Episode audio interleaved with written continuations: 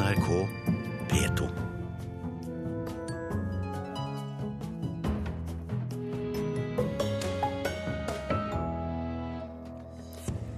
Wikipedia ber om seks millioner kroner i årlig statsstøtte, støttes av hovedkonkurrent. Verdens største korallrev kan komme på Unescos verdensarvliste i løpet av kort tid.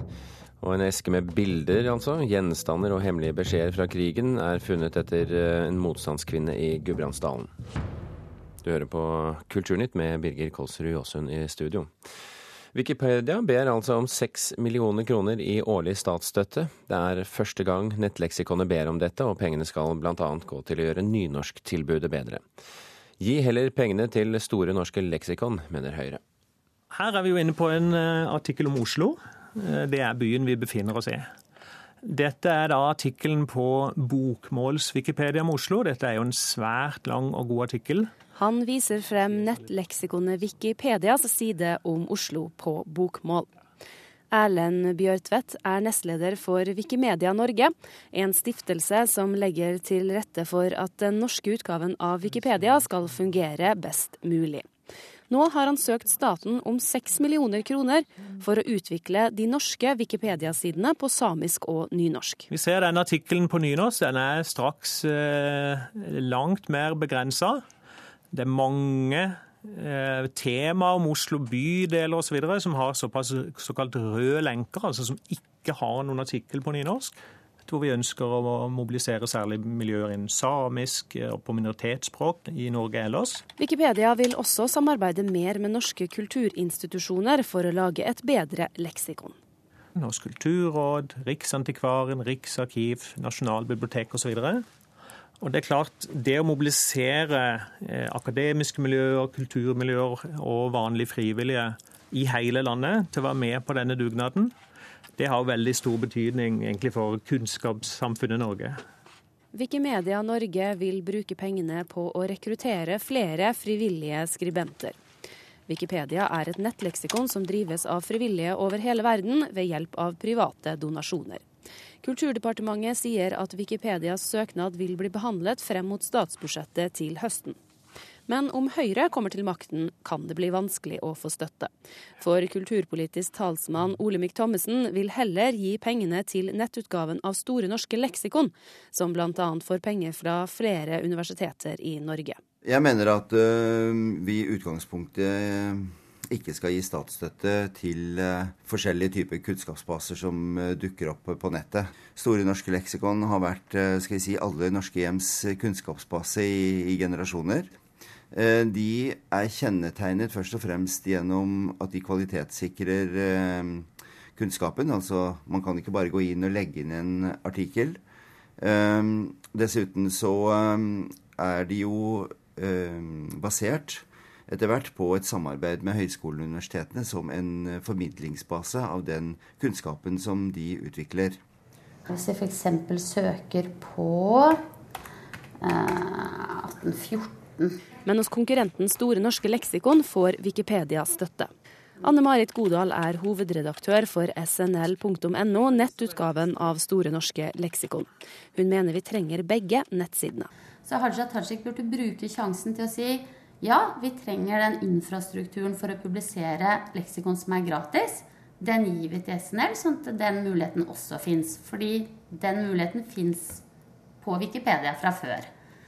Uh, I tillegg så burde jeg bruke sjansen til å gi Kulturrådet veldig mye flere penger til innholdsproduksjon. Og der mener jeg Wikipedia helt klart burde få penger. Nestleder for Wikimedia Norge, Erlend Bjørtvedt, er glad for støtten fra Store norske leksikon, og mener det er plass til begge. Så har vi også et kvalitetssikringssystem eh, på Wikipedia. Alle endringer de gås gjennom av erfarne brukere. Eh, klart det vil finnes feil hos oss som hos alle andre, men man skal jo lese alt man leser med en klype salt og sunn kildekritikk. Reporter her, det var eh, Eirin Venås Sivertsen og Dana Vanono.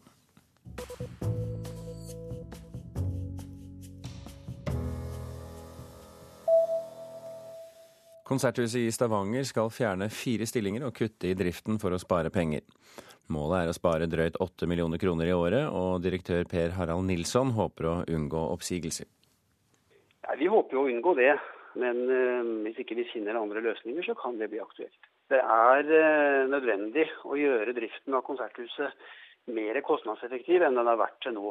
Og Så må vi også føye til at vi nå har begynt å få de første driftserfaringene med den nye bygningen. Og Den er ganske kostbar å drive, så det er veldig viktig å ha fokus på dette. Dere har også fram til nå fått støtte fra Stavanger kommune, og den skal jo egentlig falle bort uh, nå. Hvor avhengig er dere av fortsatt støtte fra kommunen? Hvis Stavanger konserthus skal ta den kulturpolitiske posisjonen som en uh, ønsker, så bør en opprettholde det på dagens nivå. Reporter her, det var Anette Johansen Espeland. I dag skal den greske statsministeren Antonis Samaras møte sine eh, koalisjonspartnere for å diskutere stengingen av de statlige TV- og radiokanalene. Pga. Hellas eh, økonomiske problemer valgte regjeringen å stenge sine statlige medier og si opp alle de ansatte forrige uke, men to av regjeringspartiene er imot avgjørelsen og vil nå gjenåpne statskanalen.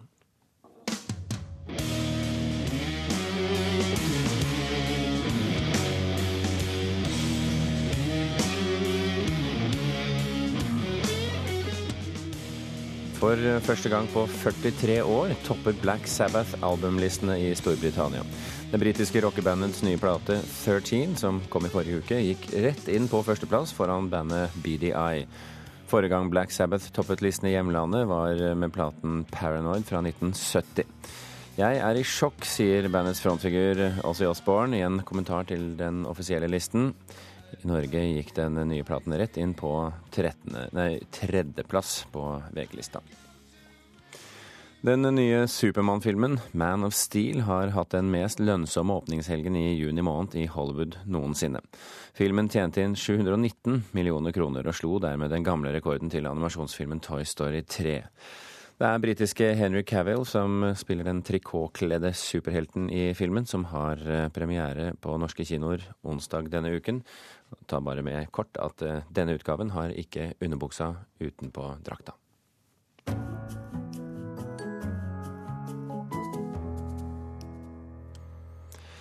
Årets eh, Icon-program ble avsluttet i helgen med Hedda-prisvinner Oscaras Korsonovas forestilling Miranda, basert bl.a. på William Shakespeares Stormen. Miranda er et gjestespill fra Oskar Korsonovas teater i Vilnius, og forestillingen ble spilt på litauisk. Og slik høres det ut. Ferdinandas ir Miranda, dabar Ferdinandas ir Miranda. Ferdinandas nenori miego! Karen Frøsland Nystøl, vår eh, teaterkritiker her i Kulturnytt. Er det i det hele tatt mulig å skjønne noe av dette? Eh, ja. Hvis man eh, har lest Shakespeare-stormen og følger med på, på tekstene som projiseres eh, over scenen, så, så, kan man følge med. Men det er klart at eh, det er begrensa hvor mange steder man kan ha blikket på én gang. Eh, der er jo to skjermer som viser tekst, og så er det selve spillet på scenen på, på Nationaltheatret som, som det ble spilt på nå i helga. da. Og, eh, Så man har litt simultankapasitet, med andre ord? Ja, ja, på sett og vis, hvis ikke man behersker litauisk, da. Uh, men uh, det blir jo sånn at for min del så syns jo jeg spillet er mer interessant å følge med på enn å, enn å hele veien se på teksten. Så der, der, gjør man jo et valg når man sitter som publikum og ikke kan men, språket. Litt sånn bakgrunnsstoff først. Icon-programmet, hva er det for noe? Det er et eh, prosjekt som teatersjef Hanne Tømta satte i gang med Nationaltheatret for å få inn flere utenlandske gjestespill. I starten så var det bl.a. i samarbeid med BIT Teatergarasjen og Sven Åge Birkeland i Bergen. Og de har hatt inn mye interessant. De starta med den franske teaterkunstneren Giselle Vienne, som eh, satte opp 'This Is How You Will Disappear', med tåkekunst og levende jaktfolk på Nationaltheatrets hovedscene. Fantastisk. Og, og denne Oscaras Korsonova, hvem er han? Han er en internasjonalt anerkjent regissør. Han starta veldig tidlig. Han fikk vel oppdrag som 20-åring allerede ved Nationaltheatret i, i, i, Vilnius. Og eh, han har satt opp ting i Norge siden 2001. Og det som er interessant med han, eh, det er at han både har toppa og floppa ting han har gjort under, eh, under samtidsfestival og sånn på Nationaltheatret tidligere, har blitt tatt av plakaten før tida, for det har ikke vært publikum, og det har ikke vært bra. Eh, det gjaldt vel på bunnen av Maxim Gorki det stykket. Der ble bare tatt av tidlig. Mens nå får han Hedda-pris for sin oppsetning av Per Gynt på, på Nationaltheatret eller Torshov teater i Oslo. Så det er litt interessant. Men han så, gjør så mye forskjellig. Da. Så hva med Miranda, hvor kommer den inn på i kategoriene dine? Den er typisk Korsonovas klassiker, for han er sånn han plukker fra hverandre hele stykket, og så setter han det sammen igjen og legger til. Så det han har gjort, er å putte Prosperos datter Miranda som, altså Miranda og Prospero er de to hovedkarakterene i stykket, og det er de to som er på scenen i, i denne oppsetninga. Prospero er en uh, forvist hertug av Milano, Miranda er hans datter, som i skuespill er syk, men her er handikappa. Så han, han, har satt de De er på ei øde øy i stykket, men her er de i en, i en leilighet, i et annet type fangenskap. Miranda kan ikke gå, men hun drømmer om å danse Svanesjøen. Uh, han har satt Miranda som omdreiningspunkt for hele stykket. Og det er interessant, for tradisjonelt så har Miranda bare vært sin fars datter og fulgt med sin far, at det er faren som har vært viktig. Mens her er det plutselig Miranda som blir viktig. Og sånn som jeg ser stykket, så er det en frigjøringsprosess for henne. Hun blir en sterk eh, kvinnelig karakter. Og det syns jeg er en interessant vri å gjøre på, på Stormen. Er dette noe som eh, er interessant for deg fordi at du er teateranmelder, og, øh, men øh, noe vi andre som bare er litt sånn delvis opptatt av teater, øh, noe vi ikke vil få noe ut av? Jeg tenker jo at altså For meg som teaterkritiker så er det utrolig viktig å se gjestespill, spesielt da fra utlandet, og se hva som må røre seg ellers i Europa.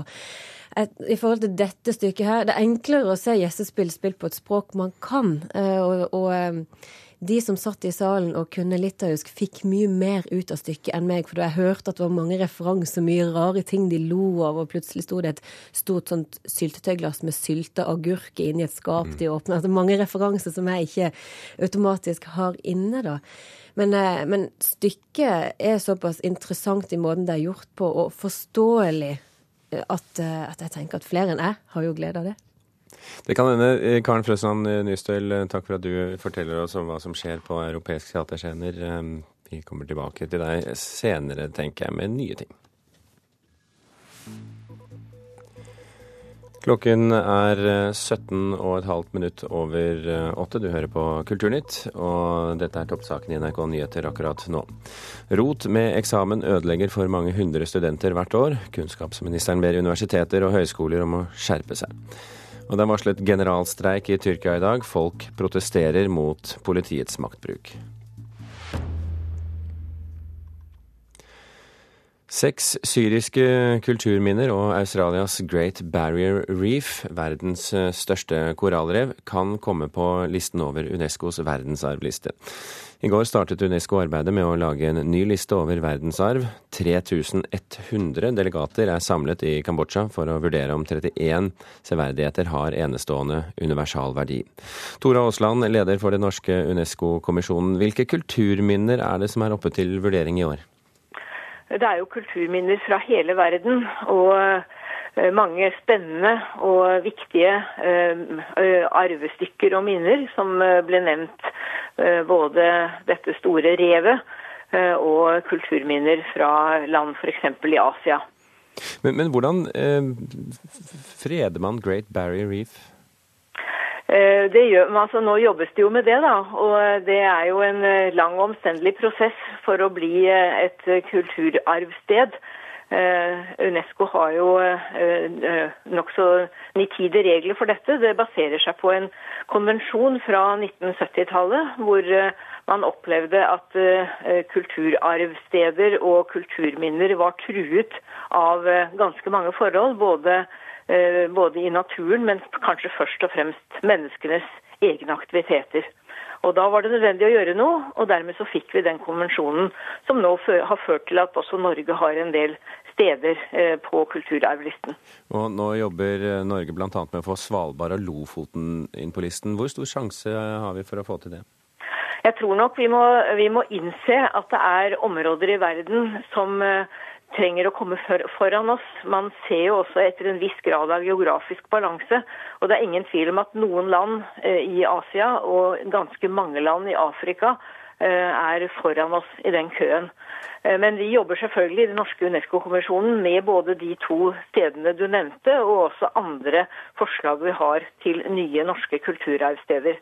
Eh, jeg har jo lyst til å føye til at noe av det aller viktigste eh, vi også gjør, både her i Norge og i de andre Unesco-landene, det er å sørge for at steder som allerede er på verdensarvlista, ikke blir utsatt for ødeleggelser og påkjenninger. Eh, at vi klarer å beskytte og verne de stedene hvor vi faktisk eh, har gjort en jobb for å få dem på plass. Ta eh, Syria, da, f.eks., som nå står i brann. Hvordan eh, står det til med syriske kulturminner?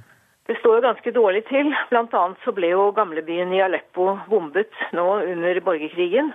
Det er jo lite man kan gjøre fra FNs side og fra Unescos side med slikt. Det er jo ethvert lands ansvar å ta vare på sine egne kulturminner. Og det er jo utrolig tragisk når slike ting skjer, som vi har sett i noen land tidligere, og også i Syria. Den gode historien om dette er jo historien fra Mali, hvor man klarte å bevare og gjemme bort noen av de aller viktigste kulturminnene, selv om det var en ganske kaotisk situasjon uh, der de befant seg. Men, jeg, jeg, jeg, jeg, nevnte det så vidt i stad, Tora Aasland. 3100 delegater skal bli enige nå i Kambodsja. Hvordan pågår den prosessen? Det er jo de enkelte land som har et ansvar, så er det jo flere representanter for hvert land. Det høres jo voldsomt ut, men eh, konvensjonen er jo klar i utgangspunktet. Den, eh, den er alle enige om. Og så blir det en grundig vurdering hvor man spiller inn eh, til det møtet som er nå i Kambodsja, de begrunnelsene man måtte ha for, for sine steder. Og så foretas det da av eh, de eh, øverste organene i Unesco-sammenheng en veiing og vurdering av de enkelte stedene. Tora Aasland, leder for den norske Unesco-kommisjonen, lykke til med arbeidet. Takk for at du kunne være med i Kulturnytt.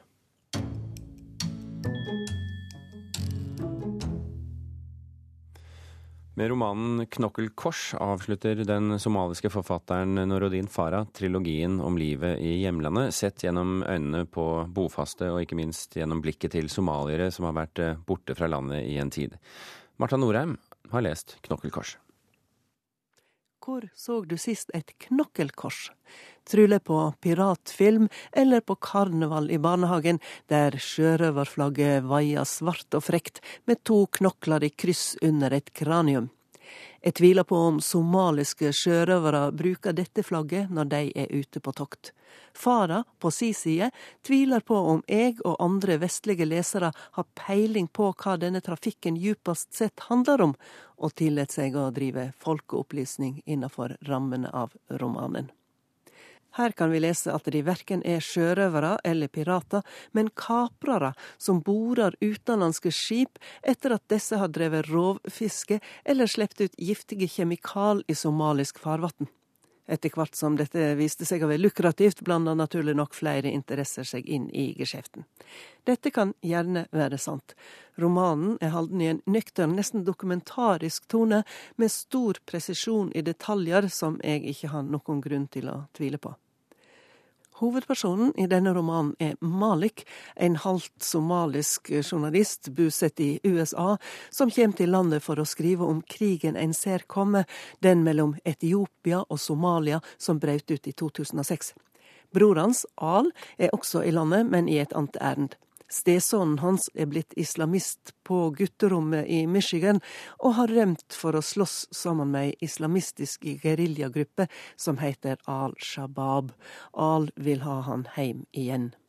Somalia er et land med mye våpen ute blant folk, med mange ulike grupperinger som har sine egne interesser å ta vare på, med nokså uryddige statsinstitusjoner og med penger som nødvendig smøringsmiddel for å få til noe som helst. De to brødrene har ikke vært lenge i landet før de er involvert i folk de ikke helt veit hvem er og hva vil, men som kanskje kan hjelpe dem, eller som kanskje tvert imot bruker dem eller er ute etter å fjerne dem på den enkleste måten. Og rundt sirkler sprengingsekspertene.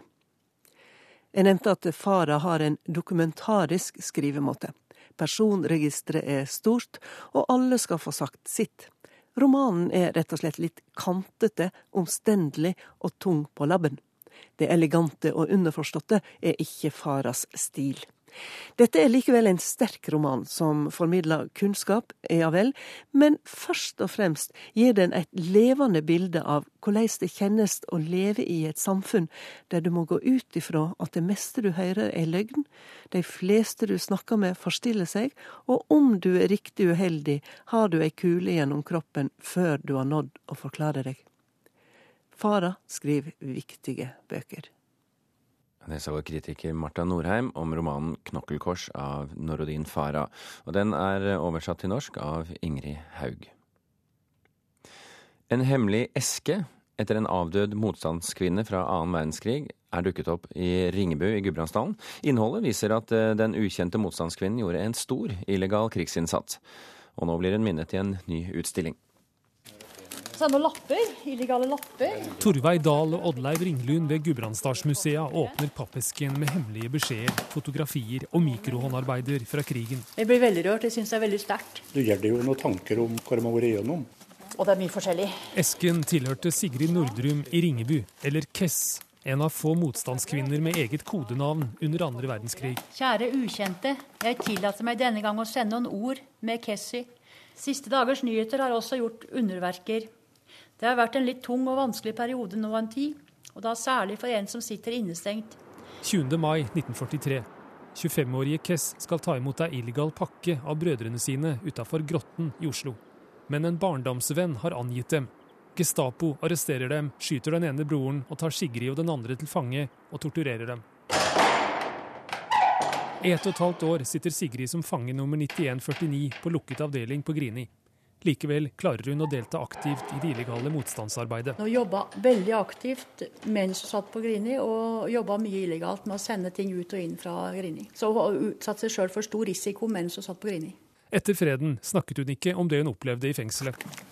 Etter at Sigrid Nordrum døde i Fåvang i 2008, fant etterkommerne eska med fangesaker. Alt som er laget her, er illegalt gjort. Materialet er smuglet inn, eller jeg tok i stykker nederst på tøyet mitt. Den inneholder bl.a. 75 lapper med illegale beskjeder, fotografier og en mengde små mikrohåndarbeider. Alt gjort i skjul mens hun satt på lukket avdeling på Grini mellom 1943 og 1945. Kjæreste Kessi, 29.3.45, altså like før uh, freden. Innholdet viser at Sigrid Nordrum gjorde en stor illegal krigsinnsats, men hun ble ikke hedret for dette i ettertid. Det er et ganske enestående materiale. og og en enestående historie. Og det var ikke så mange kvinner som hadde kodenavn, og hun hadde det.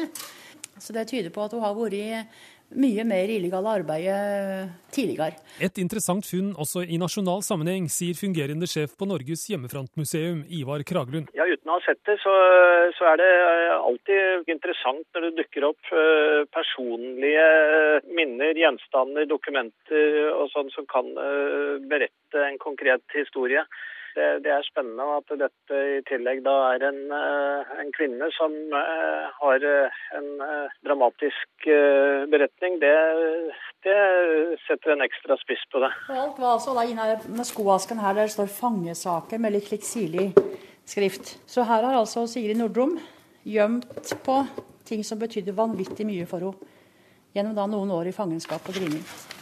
Nå blir innholdet i eska ei utstilling på Krigsminnemuseet på Kvam.